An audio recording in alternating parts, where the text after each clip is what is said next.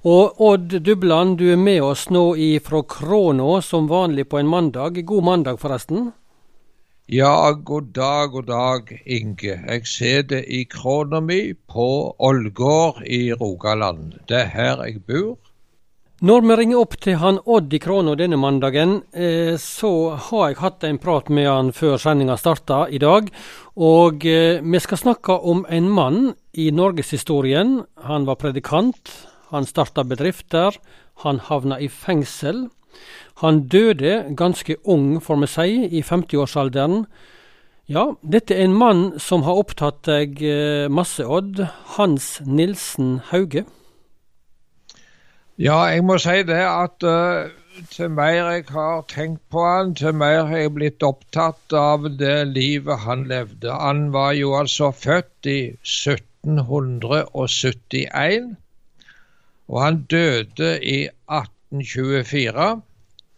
53 år gammel.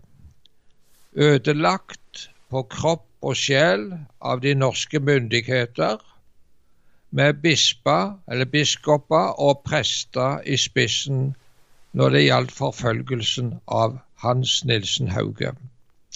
Det skal vi komme litt tilbake til etter hvert, Odd. Men, men, litt sånn eh, Han var født i 1771, sier du. Eh, dette var i Østfold. Han var vel fra Tune i Østfold, stemmer ikke det? Jo, han eh, var eh, på en gard, eller på heimegarden da, så gikk han og så pløgde òg en dag. Det var vel rundt eh, 1795 eh, eller rundt der, 96.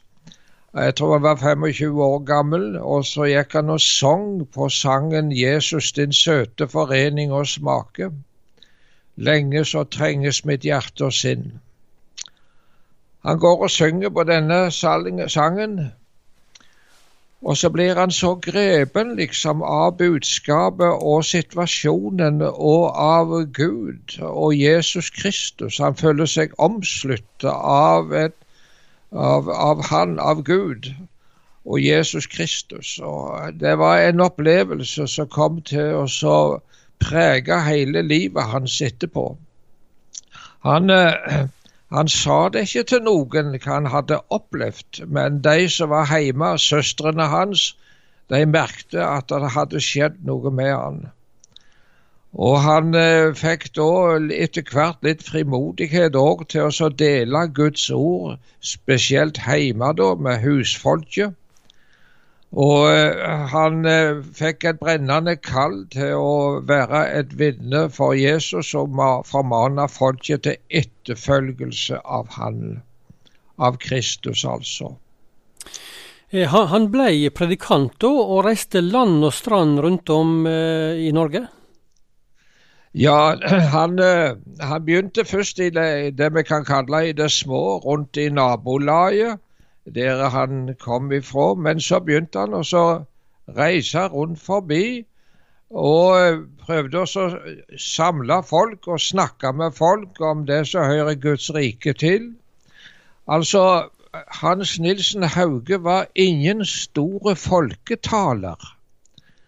Han var heller ikke en stor teolog, selv om han hadde lest Bibelen veldig mye.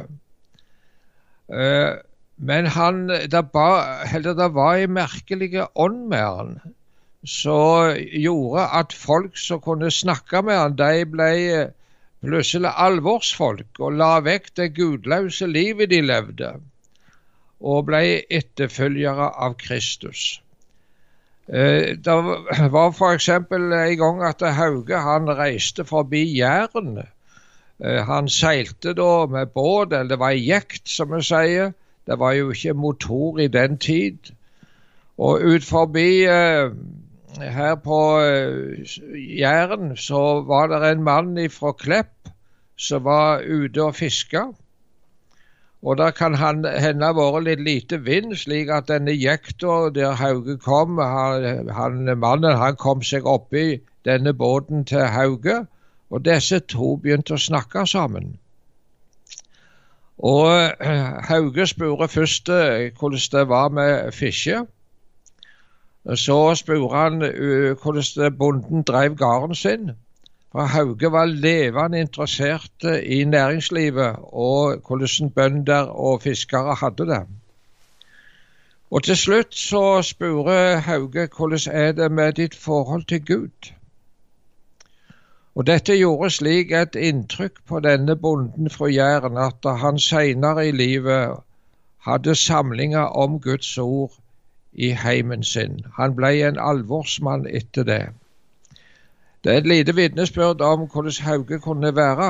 Men altså, han var altså opptatt av både det som denne mannen drev med, dette med bedrifter, samfunnsliv, og også det åndelige livet, hvordan han hadde det med Gud. Det var ulike sider han var opptatt av her.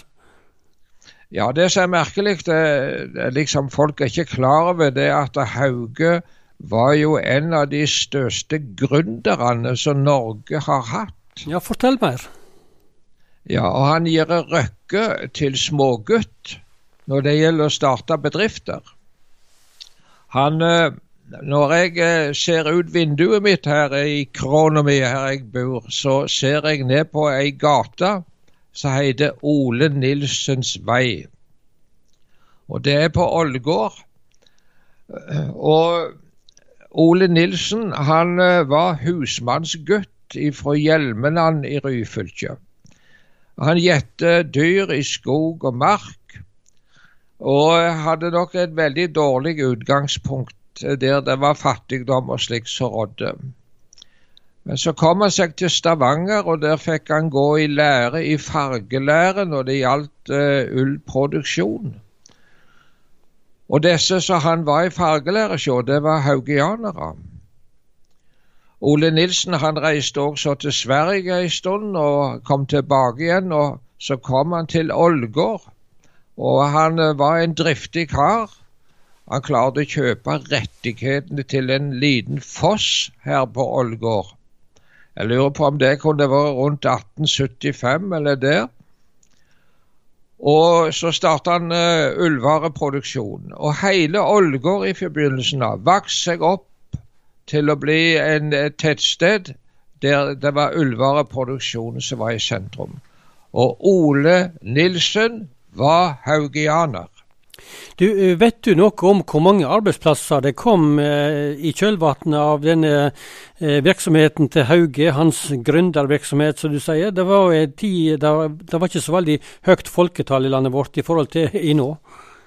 Ja, altså en regner på det at på Hans Nilsen Hauge sin tid så var det ca. 800 000 mennesker i landet vårt. Og han uh, Unnskyld. De regner på at uh, der uh, grodde opp 28 000 arbe nye arbeidsplasser etter Hauge sin virksomhet. Såpass, altså? Så, ja, så han er den største gründer som Norge har hatt. Men det som var også hovedsaken hans, det var det at folket måtte kalles til et nytt liv. Altså Det var et uttrykk som han kanskje brukte. Det var 'du må ta din kristendom alvorlig'. Og Dette var i en tid når uh, de fleste ble vel regna for mer og mindre kristne folk. Uh, de Eh, aller fleste, mest 100% var døypt. De aller fleste var konfirmert. Og når de ble konfirmerte, så måtte de love framfor hadde nær sagt Gud og menneske at en skulle holde seg etter Guds ord. Eh, presten sto der på kirkegulvet med konfirmanten og hadde helt fram det hva konfirmanten måtte love. Og presten retter fram hånda si, og så sier presten 'gi meg hånden på det'. Jaha, det var så konkret, altså? Ja, og konkret, eh, og konfirmanten måtte ta prestens hånd og love framfor Gud og menneske at han skulle holde seg etter Guds ord. Det var konfirmasjonen. Men vi vet også det at uh, av døpte vrimler stad og land, men hvor er troens brann, så det står i en salme. Og på den tid så var det mye gudløst liv, og kristendom var fjernt fra mange mennesker. Og eh, alkoholismen var sterkt utbredt med all elendighet så føler vi den. Og Hans Nilsen Hauge han så med sorg på hvordan folket levde, de som bar kristennavnet. Og Derfor så kalte han folk til omvendelse og nytt liv. Og Han reiste rundt hele vårt land, fra Ballangen i Troms til eh, Lindesnes i sør. Og eh, kanskje vi kan stoppe der i dag, Inge, så kan men, vi få si litt, litt grann, Vi skal ta mer senere, Odd. Men litt eh, grann som jeg spurte, jeg var innom her tidligere.